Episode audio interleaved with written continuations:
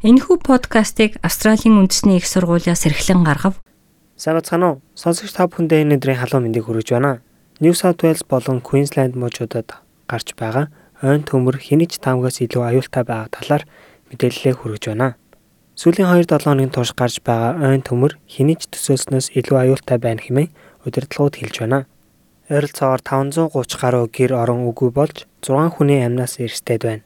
New South Wales мужид ойн төмрөөс гарч байгаа үр дагаврууд хяниж таамаглалыг давуулан биелүүлээд байна хэмээн онцгой байдлын албаны сайд хэлж байсан юм. Rural Fire Service буюу New South Wales мужийн орон нутгийн гал командын байгууллагаас нөхцөл байдал уламд ордож болзошгүйг анхааруулж байгаа. Цаг агаарын хувьд 40 градусын халуунд төгсөн хүчтэй салхитай чиг багтай байгаа энэ үед галын тархац нэмэгдэх магадaltaй байгааг RFS-ийн төлөөлөгч Shane Fitzsimmons өнгөрсөн нэм гарагт хэлж байсан юм.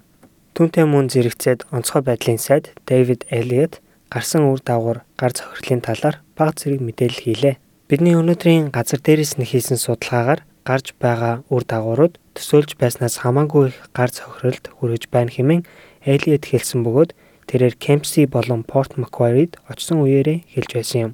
Түүнтэй хамт New South Wales мужийн сангийн сайд Dominic Perrottet хамт явж засгийн газраас 220 мянган долларын санхүүжилтийг хохирол амссан хүмүүсийг аль болох түргэн хугацаанд хэвийн байдалд ороход нь туслахаар төсөөлжээ.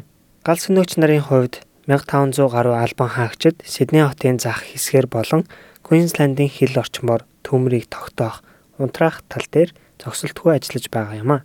Энэ 7 хоногийн байдлаар 50 орчим гал бүрэн унтраагүй байгаа бөгөөд бараг талыг нь тогтоож чадаагүй байгааг New South Wales мужийн орон нутгийн галын байгууллага мэдгдсэн юм а. Гал төмөртэй тэмцэж байгаа ажилчид одоогийн байдлаар төмөртэй хэд хэдэн 7 хоногийн турш тэмцэж байгаа бөгөөд Шинэ Зеланд улс ч бас Австрали улсад туслахаар нэмэлт баг явуулсан байгаамаа. Сидней хот орчим харин баасан гарагийн байдлаар төмрөөс гарч байгаа утаа хотыг бүхэлд нь бүрхсэн байгаа нь одоо Gospers Mountain буюу Hawkesbury дүүрэг хаваар гарч байгаа 50 гаруй төмрийн үр дагавар юм хэмээн галын байгууллага мэдгдсэн. Агаарын чанар аюултай түвшинд хүрсэн талаарч мөн New South Wales мужийн төлөвлөлт ажилтнууд болон байгаль орчны хилцээс пүрэв гарагт мэдгдсэн. Үүгээр зүрх болон амьсгалын эрүүл мэндийн асуудалтай хүүхэд болон хөгшдийг гадуур дасгал хөдөлгөөн хийхээ дахин нэг бодож үзэх хэрэгтэйг анхааруулж байсан юм а. Хэрвээ танд ямар нэгэн эрүүл мэндийн шинж тэмдэг илэрч энэ энгийн өвчин намдаах хэмээр эдгэрхгүй байвал эмнэлгийн тусламж авах мөн яралтай тусламжийн тэг тэг тэг дугаард холбогдохыг New South Wales-ийн эрүүл мэндийн хилцээний байгаль орчин хариуцсан захирал Richard Broom хэлж байлаа. Утаа болон агаарын энэ бохирдсон байдал амралтын өдрүүдээр үргэлжлэх магадaltaй байгааг цагуурын хүрээлэнгээс мэдээлж байна.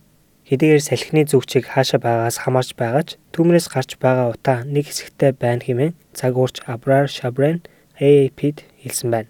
Харин амьсгалын замын өвчин болон астмтай хүмүүсийн эмнэлэгт хандсан 50 тохиолдлыг Sydney Morning Herald-аас мэдээлсэн. Хэдийгээр 2-7 хоногийн турш гал төмөртэй тэмцэж байгаач удахгүй нөхцөл байдал сайжирна хэмээн New South Wales мужийн галын байгууллагын Shane Fitzsimmons итгэлтэй байгаагаа хэлж байсан юм. Бороо орохгүй мөртлөө аяга цахилгаантай байх нь гал гарах тохиолдлыг бас нэмэгдүүлдэг талаар мөн хэлж байлаа. Харин New South Wales мужийн цагдаагийн байгууллагаас одоогийн байдлаар төмөр гарах зөрчил гаргасан 54 хүнийг садуулаад байгаа юм а. Монголчууд та бүхэн маань ой хэрийн төмрийн аюулаас ангид сонор сүрэмжтэй байгаарай.